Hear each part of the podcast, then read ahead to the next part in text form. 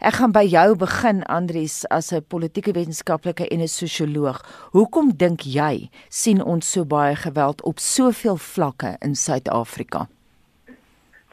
Anita, daar's klomp faktore wat ek dink um hier hierop inspel, maar ek wil net noem in die eerste plek dat as ons um statisties daarna kyk, um in die langtermyn het vlakke van geweld en moord in ons land afgekom in die langtermyn. In um 1994 het ons um 67 moorde per 100 000 lede van die bevolking gehad en dit het afgekom na op die oomblik so um 34 toe, toe. So met die helfte in die langer in die langer duur het ons daarin geslaag om om van die misdaad wat daar is uh suksesvol te verminder. Um ek dink egter nie dis hoe die bevolking dit beleef nie. En veral nie op die oomblik nie omdat daar soveel verskriklike gruwelike gevalle op op een slag gebeur het. Ons praat nou van die die vlaag van geweld in Johannesburg en Pretoria in die noorde van KwaZulu-Natal die uh, wat ons xenofobiese aanval noem en dan ook geweld teen vroue wat ek dink op die oomblik absoluut ehm um, die afgryslike gevalle in in in in die, in die Wes-Kaap en ander dele van die land. So ek dink daar um, in, op op op een slag het daar soveel um verskriklike stories gebreek wat ons almal geskok het dat mense um ek dink uh, daar mense kan amper praat van 'n morele paniek in Suid-Afrika op die oomblik um as dit by misdaad en geweld kom. Ivan, wil jy aansluit by daai woord wat hy nou gebruik het, twee woorde, morele paniek? Ek dink dit is heeltemal reg want die, die ons is 'n land in trauma. Hierdie goed kom te kom naby ons. Ons het ook kinders op universiteit. Ons gaan ook kinders by die skool aflaai en dis goed dat ons nie van tevore gehoor het nie. Nou kom dit baie naby en dit saai paniek. Ek stem absoluut saam. Ek wil terugkom na die vraag wat ek eers vir Andrius gevra het en ek wil hê jy moet kyk na daai vraag en 'n bietjie vir ons ontleed en as jy kan dit beantwoord. Hoekom dink jy Ivan sit ons met so baie geweld in Suid-Afrika? Al het die geweld nou in terme van moorde statisties afgeneem soos wat Andrius nou verduidelik het, sit ons steeds met hopeloos te veel geweld in hierdie land. Hoekom dink jy is dit so? Weet jy, ek dink daar's verskillende goed. Daar's byvoorbeeld die desperaatheid van 'n sekere deel van die bevolking daar's die kriminele element. Dis daar's die feit dat daar geen gevolge is nie. En vir jong mense raak dit die norm. Dis soos hulle groot word, dis soos 'n mens probleme hanteer. En ek dink dit werk alsaam en daar's nie gevolge nie. Die polisie is oneffektief, dis soos wat die die publiek hulle beleef. En as jy daardie mense in 'n pot gooi, dan is dit wat ons kry. Ek wil vir oomblik by jou bly Ivan voor ek teruggaan na Andrius toe. Jy is nou 'n trauma beraader. Jy doen dit al vir jare lank. Dink jy Suid-Afrikaners, jou pasiënte wat jy sien, dink jy ons het afgestomp geraak vir geweld en trauma? En dan 'n tweede vraag, dink jy ons ly aan 'n soort van 'n laaggraadse trauma almal van ons in hierdie land? Ek wil die tweede deel van jou vraag eers beantwoord. Ja, ek dink almal van ons, ons is 'n nasie in trauma ek sien dit met die mense wat na my toe kom, ek sien die mense met wie ek gesels. Ek sien dit by die algemene publiek. Mense voel dit aan jouself. Jy sien dit aan die heininge wat opgaan, aan die sekuriteitstelsels wat opgradeer word. Ek dink ook die die media wat dit so onder ons aandag bring, dit kom dit kom naby. En daarom is ons is ons in in hierdie toestand. Andries, gister op Monitor het eh, 'n uh, gas vir ons vertel sy's 'n Ugandees en sy self ervaar xenofobie op 'n daaglikse basis en sy het gesê 'n vis vrot van bo af, die leiding moet van bo af kom en ons president gee eenvoudig nie genoeg leiding in die verband nie. Nou jou nering is ook 'n politieke wetenskaplike. Wat het jy daaroor te sê? Anita, ehm um ek op op die oomblik het ek nogal redelik simpatie vir die president. Um ek dink en, en en dis nie 'n baie gewilde standpunt wat ek nou gaan inneem nie. Ek weet mense is woedend en baie mense projekteer hulle onsekerheid op die president. Maar ons moet onthou 'n president is nie 'n pa nie. 'n Land werk anders as 'n gesin. En ek dink regdeur die wêreld op die oomblik weens onsekerheid is mense op soek na na ouer figure. En in baie gevalle in ons land is daar afwesige ouers, nê? Nee? Um, in die Oos-Kaap uh, weet net 50% van die kinders wie hulle paas is. In baie gevalle weens die trekarbeidstelsel word hulle groot saam met 'n ouma uh of soms is 'n ander kind die hoof van die huishouding. En so ons is uh, ons is in 'n land van afwesige ouers, maar 'n land is nie 'n gesin nie. Ehm um, president Cyril Ramaphosa kan nie pa staan vir alles nie. En een perspektief is dat uh, leierskap belangrik is en dit is beslis en ek dink die vorige president het 'n spesifieke slegte voorbeeld gestel. Mm. Ehm um, maar die die verantwoordelikheid om die instellings te herstel wat maak dat dat dat misdaad voortduur. I mean, ek kan ook noem uh, net 10% van moordgevalle in Suid-Afrika word suksesvol vervolg. Hmm. So ek ondersteun Yvonne se punt daar. Niks gebeur as iemand die wet oortree of gewelddadig is nie. Maar om daai instellings te herstel is almal se werk nou. Ons weet daai instellings instellings soos misdaadintelligensie is afgetakel en dis aspres afgetakel sodat mense korrupsie kan pleeg en kan steel. En in die hele land dis op die oomblik die hele land se verantwoordelikheid om te probeer om daai instellings weer op te bou. Uh uh uh I mean in in my eie universiteit is daar ongelooflike um 'n uh, uh, stryd aan die gang om om beheer want daar's mense wat die plek leeg gesteel het vir baie lank en en die en die proses om dit te, te, te stop te sit is nie maklik nie. Ehm um, so ek dink eerlikwaar ehm um, ons moet besef ons ons is nie 'n gesin nie, ons is 'n land. 'n Land is baie meer kompleks as 'n gesin waar die pa met 'n sambok kan inkom en vir mense sê om om om goed nie te doen nie. Dit werk nie so nie. Ehm um, 'n land word eers herstel as die instellings wat ehm um, wat mense moet vervolg as hulle moord of ver, moord of verkragt of steel as daai instellings werk. En en dit dis dis ons hooftaak op die oomblik. Ons almal moet werk aan die instellings om om om om orde te herstel As jy pas by ons aangesluit het, ek praat ver oggend met 'n sosioloog van die departement van ontwikkelingsstudies aan die Universiteit van Fort Hare, professor Andrius Besuidnout en dan ook met 'n trauma beraader Ivan Retief. Ivan, wat sê jou pasiënte vir jou? Jy het net nou gesê jy kan sien hoe baie mense ly aan trauma. Wat is die simptome daarvan? Weet jy, mense raak hiperbedag. Hulle raak uh, bewerig amper as hulle iewers ry. Hulle kyk net altyd rond, elke verkeerslig. Hulle ry deur die verkeerslig as hulle nie nodig het om stil te hou nie of reken hulle het nie nodig om stil te hou nie. Hulle uh, raak al meer beskermend teenoor hulle kinders. Hulle praat al meer hieroor wat natuurlik die angs half versprei. En mense slaap sleg. Uh, hulle hulle dink baie oor hierdie goed en hulle internaliseer hierdie goed. En as hulle self baie trauma beleef jy weet 'n mens kan trauma op verskillende maniere dis nie net die goed wat aan jou gedoen word nie. Jy word ook getraumatiseer deur wat jy die, aan ander mense doen wat jy ander mense aan mekaar sien doen. Hmm. en soms ook wat jy aan jouself doen en hulle sien soveel van wat ander aan mekaar doen dat die trauma in hulle self kom lê en hulle oor hierdie goed droom. Hulle sien die terugflitsse van prentjies wat hulle op die radio, ag op die televisie sien of koerante sien. Goed wat hulle self beleef, ou traumas in hulle self word wakker gemaak en die ding eskaleer. Anders ek, ek wil nie aansluit by ons vorige gesprekke. Mense het miskien die onrealistiese verwagting dat ons president as vader moet intree iemand moet iets doen in hier kom ons redder en dit voel amper ek meen as jy kyk na die uh, uh, toespraak wat hy gelewer het sy kommentaar na die uh, gebeure hier in Pretoria en Johannesburg is amper sien jy dat sy boetie bloed nie is geslaan het en papie kom en hy vryf sy koppie en sê ag ons is darm nie mense wat sulke goed doen nie. Mm.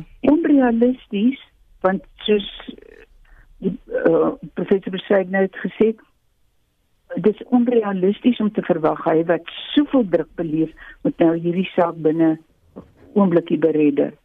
Maar dis die belewenis van die man in die straat. Andries vrou in die straat. Andries, ek wil tog vir jou vra. Jy sê nou en ons hoor wat jy sê dat uh die president kan nie pa staan vir alles nie. Ons is nie 'n gesin nie, ons is 'n land. Ons hoor wat jy sê. Maar dan kan 'n mens nie help om te dink aan die Nieu-Seelandse premier, hoe sy daai massaslagting in moskeeë in haar land hanteer het. Sy het in die parlement ingestap, sy het 'n kopdoek aangetree en sy het in Arabies gegroet. Sy het die gemeenskappe ook gaan besoek en weer eens met respek aangetrek vir hulle gevoelens. Dit was die gebaar wat sy gemaak het. Dis nou boonbehalwe dat die Kiwis baie vinnig wetgewing daar verander het na die aanvalle. Maar mens kon nie help om te dink hoe daadwerklik daai vrou opgetree het. Sy het leierskap gegee en ek praat nie net van dat hulle wette verander het nie, sy het morele leierskap gegee en sy was empaties. Dink jy nie daai soort van gebaar Andries kan hierso baie help om gemeenskappe nader aan mekaar te bring nie? Anita, ek dink absoluut so en ek dink mense moet ook natuurlik dink aan ons eie voorbeeld daarvan. Dis presies wat Nelson Mandela gedoen het as president van Suid-Afrika.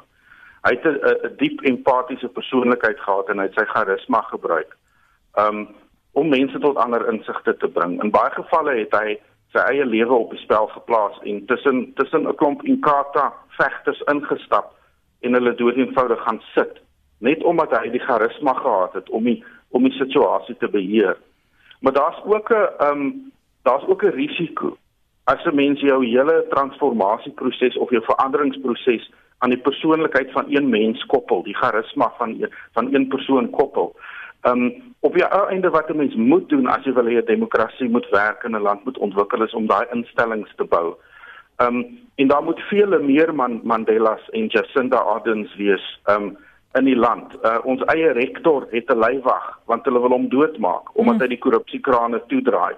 Hy's 'n ongelooflike ongelooflike brawe man om daar werk te doen. Hy plaas sy lewe op die spel. En en ek dink daar's baie Suid-Afrikaners wat dit doen en ons moet dalk meer aandag skenk aan daai gevalle waar mense opstaan en en en, en dinge regkry. Ek um, gaan voort. Ek wil ek wil aansluit by 'n punt wat Ivan gemaak het oor oor trauma. Ek meen sy beskryf my lewe as as sy praat oor hoe mense trauma ervaar. En en sy praat ook van sekondêre trauma as 'n mens jou trauma met ander mense deel. En ek dink ek is baie bekommerd oor die openbare gesprek in Suid-Afrika op die oomblik. En ek praat hier van koerante se webwerwe waar mense kommentaar lewer. Ek praat van Facebook en ek praat van Twitter. En dit lyk vir my asof die pa morele paniek waar ons op die oomblik is, hmm. um ongelooflike sekondêre trauma veroorsaak en waar mense net voel alles is hopeloos en niks kan gedoen word nie. En dis nie die geval nie. Daar is mense wat ongelooflik baie doen. Daar is van die instellings wat weer teruggeneem word by by uh by mense wat korrup was. Um ek sien in waar ek werk sien ek daai uh ver, veranderinge plaasvind. So ek dink net dis belangrik om uit die paniek uit te kom en um en mekaar soms ook net weer moed in te praat en te fokus op waar ons dinge reg doen. Maar nou wil ek teruggaan na praktiese voorbeelde wat ons nou hierdie week gesien het wat almal so geskok het. Dis amper vervelig om poskantoor toe te gaan. Nou gaan tel jy 'n pakkie daarop en dink ag jy moet dit ook nog doen en dan nog dit in die hondveearts toe vat. Wie is 'n gewone dag? Van 'n normale persoon. Hierdie student gaan sy is 19 jaar oud. Sy wil 'n pakkie gaan optel by die poskantoor en ek wil hieroor praat met jou Ivan. Wat kan nou meer alledaags wees as dit? Nooit denkend dat sy nooit weer by daai poskantoor lewens sal uitstap nie. En daai soort van ding, nou ry jy, klim in jou kar, jy dink jy moet pas op dat jy nie deur 'n 'n minibus taxi doodgery gaan word nie. Daar's soveel geweld oral.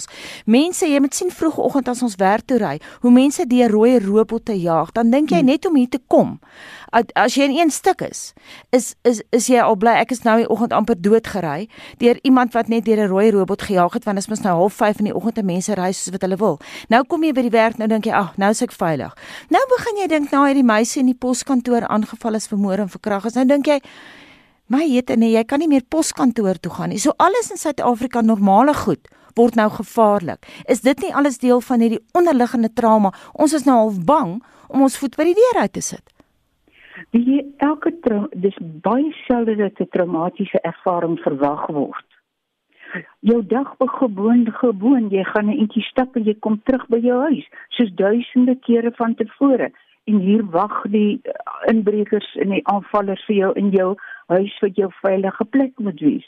Jy ry teater toe en hou soos 'n uh, wetsgehoorsame burger by die uh, robot stil en hier val hulle jou van die kante af aan. Daar's altyd dit dis daardie element van onverwagsheid wat mense nou begin dink, maar ek moet dit eintlik oral verwag want nêrens is meer veilig nie. So dis amper asof daardie stukkie normaliteit, normaal poskantoor toe gaan, normale eentjie gaan stap om terug kom, te kom huis toe. asof ons amper daarvan ook onsself beroof deur alles wat ons hoor. Want ander mense het ook maar 'n normale dag begin en toe beland ek in die spervuur op die Kaapse vlakte. Nie maar ek het nie gedink dit gaan met my gebeur nie. Dis 'n trauma het daardie element dat ek nie gedink het dit gaan met my gebeur nie. Iets wat ek diep binne in my wese, in wie van ons dink nie maar eintlik ons is op 'n manier onaantastbaar nie. Daardie ding wat ek gedink het sou nooit met my gebeur nie, het gebeur. Ek onthou, dit is een van die tekens van die eerste fase van die normale verwerking van trauma, dat daar hierdie element van ongeloof is. En ek onthou hoe geskok ek was toe ek met kliënte gewerk het en hulle sê my weet jy my eerste gedagte was is dit nou my beurt is nie die land vir ons is is nou my beurt dit het my geskok dat daardie internasionale amper eienskap van trauma die die onverwagsheid begin nou al weggevee te word is uh, dit, ek dit het my nogal geruk Ek wil net na jou toe kom Andries en ek praat weer eens met jou nie net as sosioloog nie maar as 'n politieke wetenskaplike. Ons het natuurlik 'n geskiedenis van trauma in die land. Ek kyk nou gisterand op my boekrak weer na Andrei Brink van Writing in a State of Siege. Uh dis asof ons we living in a state of siege en dit was so 20, 30 jaar gelede gewees is asof ons gemeenskap half die hele tyd vasgevang is in probleme in 'n soort van 'n trauma. Ons dink ons is nou net oor die een probleem, dan kom daar ander probleme. Na Madiba het ons die Zuma administrasie heel, jy weet, 'n hele paar jaar daarna gesien. So, dis nie asof hierdie dinge ooit weggaan nie. Nee, Anita, ehm um Uh my my vrou Irma sê altyd is herinner my altyd daaraan dat Budapest um 'n hele paar dosyn kere tot op die grond afgebrand is. Mm. En elke keer het hulle dit maar net herbou. Uh 'n mens dink aan Europa wat deur twee wêreldoorloë is. En um ek dink 'n mens kry die perspektief dat eintlik is tye in wêreldgeskiedenis is tye waar dinge nie wanordelik is nie, eintlik eintlik maar die uitsondering op die reël. Um uh op 'n ernstiger noot dalk. Ek dink daar's um 'n paar dinge wat wat wat 'n massiewe krisis vir ons is waarna ons moet kyk. En ek dink 'n uh, 'n baie belangrike uh, probleem in ons land as dit by geweld kom is die feit dat ons 'n uh, 55% werkloosheid koers onder jeug het. Mm. En die meeste van die misdaad word gepleeg deur jong mans. Um dis nie 'n gewilde statistiek om nou te noem nie, maar die meerderheid mense wat doodgemaak word is ook jong mans. Ehm um, uh in in baie gevalle is dit vroue wat uh vermoor word word deur mense vermoor wat hulle ken om die waarheid te sê in in die meerderheid van die gevalle. So ek dink daar is ehm um, daar's daar's 'n 'n spesifieke spesifieke krisis van die uh, van 'n tipe manlikheid, 'n gewelddadige manlikheid in Suid-Afrika onder werklose jong mans. En op um, en dis 'n kwessie wat 'n mens moet aanspreek op op nie net politieke vlak nie, maar ook op ekonomiese vlak. Uh ons moet ons jong mense besig hou. Ons moet vir hulle iets kry om te doen. Um, indien nie werk nie 'n uh, 'n uh, uh, uh, betrokkeheid in welsynsprogramme en in sport en in en kulturele aktiwiteite. So ek dink dit is baie belangrik. Um, as as ons daadwerklik iets aan die aan die krisis van geweld wil doen.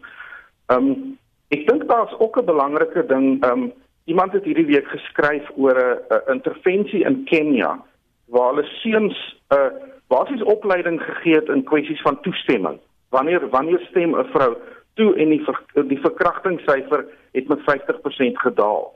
So daar's ook net op 'n op 'n vlak van kultuur en idees. Um daar is in uh, opnames gedoen in 25% van die mans in hierdie opnames in Suid-Afrika het erken dat hulle vroue verkragt het en in baie gevalle meer as een keer.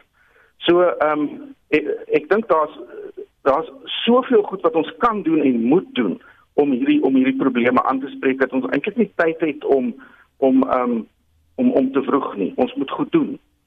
Ons het jy laasie meer tyd om om verder te gaan. Wie jy laaste woord daar sê, Ivan?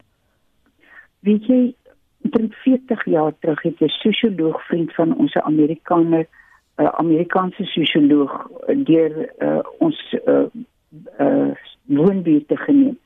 en ek wil nou aansluit by wat Andre sê. En die man het gesê where are your clubs? You have to keep the young people busy. So ek stem met Andre daarsaan ek wil net sê mense moet na hulle trauma kyk. Hulle moet iets daaraan doen. En ek dink daar moet meer op die positiewe gefokus word want daar is baie welwillendheid tussen mense op grondvlak en ek dink daar is ook 'n miskonsep uh, ander aspek van mense wat soms so desperaat is want hulle moet kos op die tafel sit. Hulle moet hierdie jong man het nie werk nie, hy het 'n gesin, hy moet kos op die tafel. Ek het 'n tydjie terug kliënt gehad aangeval en sy het 'n baba gehad wat gesit het op die in haar stoeltjie terwyl die aanval aangegaan het. En die een man het teruggekom en vra gesê, "Ek is jammer ek moes dit doen, maar ek ek moet ook vir my baba kos op die tafel sit." en hy het die baba gesoen en uitgeloop. Sjoe. Ons uh, ons moet haltroep daar met met uh, daardie verhaal. Baie dankie. Ons het ver oggend gesels met 'n trauma beraader Ivan Retief en ook met 'n sosioloog van die departement van ontwikkelingsstudies aan die Universiteit van Fort Hare professor Andrius Besuidnout.